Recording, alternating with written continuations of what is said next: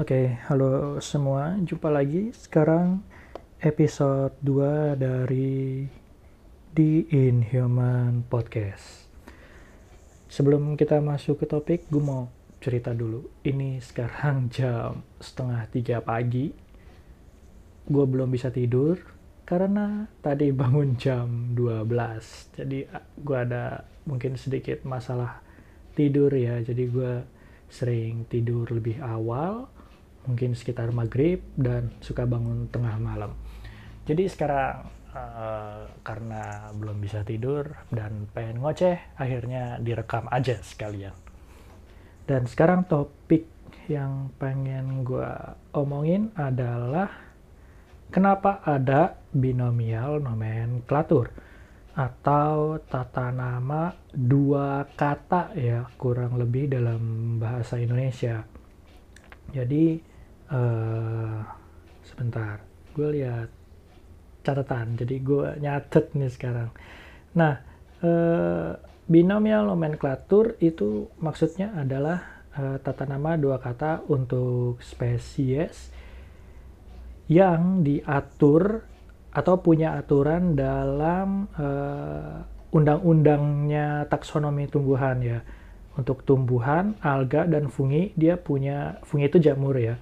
Uh, dia punya aturan yang sama dalam satu kitab undang-undang dalam tanda kutip yang uh, undang-undangnya itu judul bukunya adalah ICN for algae, fungi, and plant atau dalam bahasa Indonesia eh, atau ICN itu dulu ya. ICN itu kesingkatan dari International Code of Nomenclature.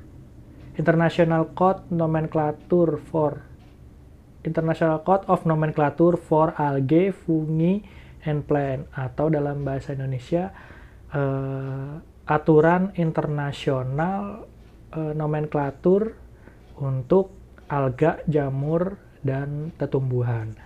Nah, eh, kenapa harus dua kata eh, kayak Oriza sativa, contohnya yaitu padi ya, atau zeamais, jagung, itu karena untuk eh, menyetarakan posisi spesies dengan eh, menyematkan dua kata. Karena sebelumnya dia ini di posisi yang sama ya spesies uh, tidak punya uh, hierarki atau tidak punya penanda yang jelas. Kayak dulu ada yang pakai satu kata contohnya Nepenthes madagascariensis kalau nggak salah. Uh, dikasih nama oleh Flacourt itu uh, gubernurnya Madagaskar oleh gubernur Madagaskar kebangsaan Prancis karena dulu kan Madagaskar di dijajah Prancis. Oh sorry, tadi kepotong ya, soundnya agak bermasalah. Kita lanjut. Dan terus ada lagi yang sampai lima kata. Dan banyak lah itu kasus-kasus uh, nama spesies yang yang nggak sama rata uh, penamaannya itu akhirnya dibikin uh, dua kata untuk level spesies. Nah, kemudian siapa yang ngasih? Dia adalah Bapak Taksonomi Dunia ya akhirnya disematkan kepada uh, Carolus Linnaeus atau karena dia orang Swedia sebenarnya uh, nama nama lainnya adalah Carl von Linn dari buku Spesies Plantarum tahun 1753 dan uh, kemudian di di aturannya uh, penamaan spesies ini di level spesies uh, selain harus dua kata, kemudian jika ditulis tangan harus ditambahkan underscore atau garis bawah di uh, nama pertama atau kata pertama dan kata kedua. Jadi ada spasi kan di antaranya, nah itu nggak harus di garis bawah. Jadi putus nama kata pertama atau uh, epitet genusnya sendiri, kemudian spesiesnya juga sendiri. Atau jika diketik pada masa sekarang, tidak lagi dengan underscore, tapi fontnya diganti dengan italic. Jadi uh, mau pakai font apa pun, mungkin kalau diketik biasanya kalau nggak Times New Roman, Calibri, Arial atau atau font apa pun tapi ditambahkan dengan italik. Lalu kemudian ada di belakang spesies ada nama uh, abreviasi dari uh, autor atau si penulis spesies itu sendiri ya. Kayak Oriza sativa L, Zeamais L. L itu adalah Linnaeus. Uh, karena dia yang menulis pertama kali uh, nama spesies Oriza sativa dengan deskripsinya. Zeamais dengan deskripsinya. Uh, kalau di hewan setelah abreviasi nama atau singkatan atau inisial nama penulis biasanya ditem, di, ditambahkan dengan tahun. Uh, kalau tadi contohnya Oriza sativa L titik dalam kurung 1753 itu kalau di hewan wajib kalau di tumbuhan nggak wajib ada nama uh, tahun. Dan kapan nama autor itu ditulis? Ketika nama itu pertama kali disebutkan dalam sebuah uh, tulisan. Jadi misalnya ada jurnal, misalnya ada jurnal nih, kemudian jurnal itu pertama kali dalam paragrafnya atau justru dalam dalam seluruh naskahnya menyebutkan pertama kali nama spesies itu Oriza sativa L titik. Ketika nama itu disebutkan selanjutnya, disebutkan kedua kali, ketiga kali dan seterusnya, bisa disingkat dengan O titik sativa tidak perlu nama autor. Jadi nama genus boleh disingkat uh, jika sebelumnya pernah disebut. Uh, dan tidak ada uh, huruf uh, pertama dari genus tersebut yang sama. O kayak dalam satu uh, naskah ada Oriza sativa dan ada Orobance uh, misalnya Orobance latifolia misalnya. Kalau disingkat kan sama-sama O ya. O latifolia atau O sativa dan itu bisa membingungkan. Nah itu uh, harus dilengkap harus pakai uh, nama genus yang lengkap. Uh, dihindari untuk uh, memberikan keraguan atau ambiguasi dalam penyebutan nama spesies di satu naskah yang sama. Oke kira-kira gitu. Dan uh, kemudian uh, nama spesies ini harus uh, berada di bawah hierarki taksa tertentu. Jadi dia tidak boleh lepas bebas gitu. Oriza sativa harus berada di bawah genus Oriza. Genus Oriza di bawah famili Poaceae, famili Poaceae di bawah Ordo Poales dan akhirnya sampai ke Kingdom Plantae. Jadi uh, runut gitu ya hierarkinya terikat. Uh, kalau nanti dia Oriza sativa itu lepas, tidak ada genus yang di atasnya, tidak ada famili dan seterusnya, istilahnya disebut sebagai incarte sedis atau dalam bahasa Indonesia tidak jelas. Dan itu sangat-sangat uh, penting untuk uh, diperhatikan bagi setiap peneliti tumbuhan dan uh, apalagi kemudian? Uh, dan mungkin teman-teman juga uh, akan bertanya gitu. Kenapa setiap nama spesies ada yang punya sinonim? Dan sinonimnya bisa sangat banyak mungkin bisa sampai ratusan dalam setiap uh, nama spesies.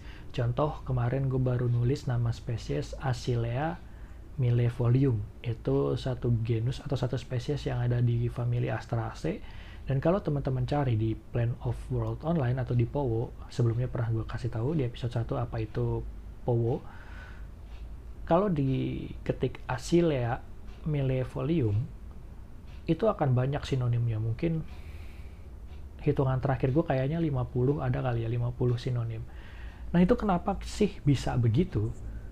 Nah jawabannya adalah uh, karena peneliti pada masa lampau uh, menulis spesies ini uh, di lokasi yang berbeda-beda.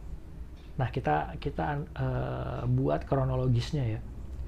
Acilea millefolium ini penyebarannya sangat luas, mulai dari Jawa, Sumatera, Borneo, Papua, uh, sampai ke Eropa sana lah dan kemungkinan memang tumbuhan ini native-nya atau aslinya berasal dari Eropa. Koreksi kalau gue salah ya.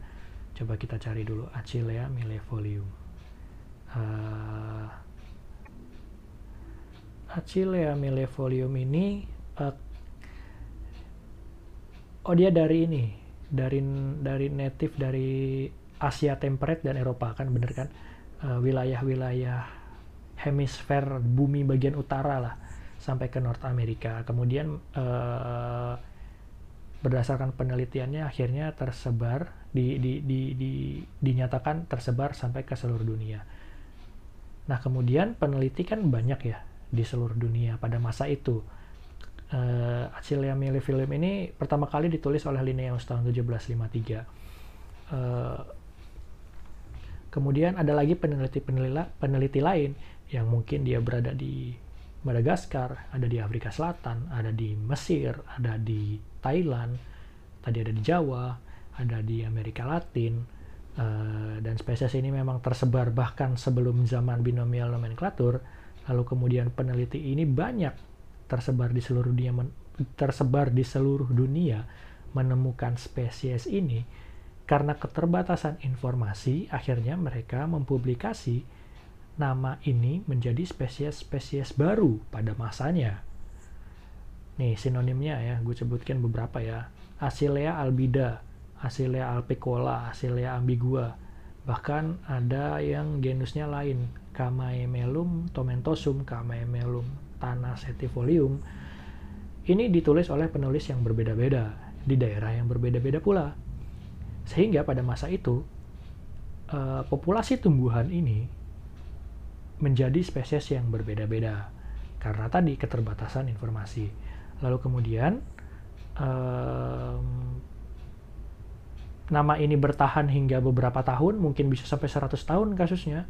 Lalu kemudian ada yang melihat ini yang menguasai taksa ini, taksa asilea atau mungkin taksa astrase yang berada di atasnya, lalu merasa ada keraguan dalam nama-nama ini karena dia melihat deskripsi spesiesnya sama, lalu kemudian diinvestigasi lagi bahwa sampel-sampel koleksi dari spesies-spesies ini bentuknya pun serupa, kemudian uh, direvisilah nama-nama spesies ini menjadi uh, satu nama yang valid.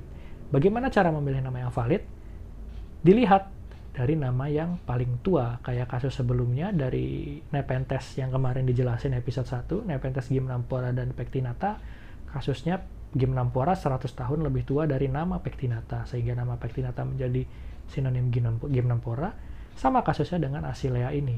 Asilea millefolium adalah nama yang paling tua lalu kemudian nama-nama lainnya dengan deskripsi yang serupa dengan sampel yang bentuknya serupa menjadi sinonim dari Asilea millefolium. Oke, kira-kira gitu.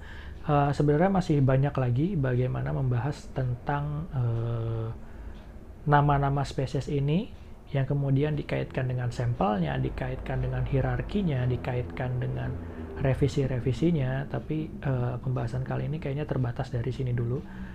Uh, selain dari itu, nanti ada lagi uh, berdasarkan sampelnya ada holotype, ada isotype, ada lectotype, ada neotype. Uh, lalu kemudian berdasarkan uh, istilah namanya nanti ada sinonim, ada homonim, ada basionim, ada apa lagi ya? Macam-macam lah. Tapi cukup terbatas sampai sini dulu. Oke, okay, uh, sampai jumpa di episode selanjutnya di Inhuman Podcast. Dadah.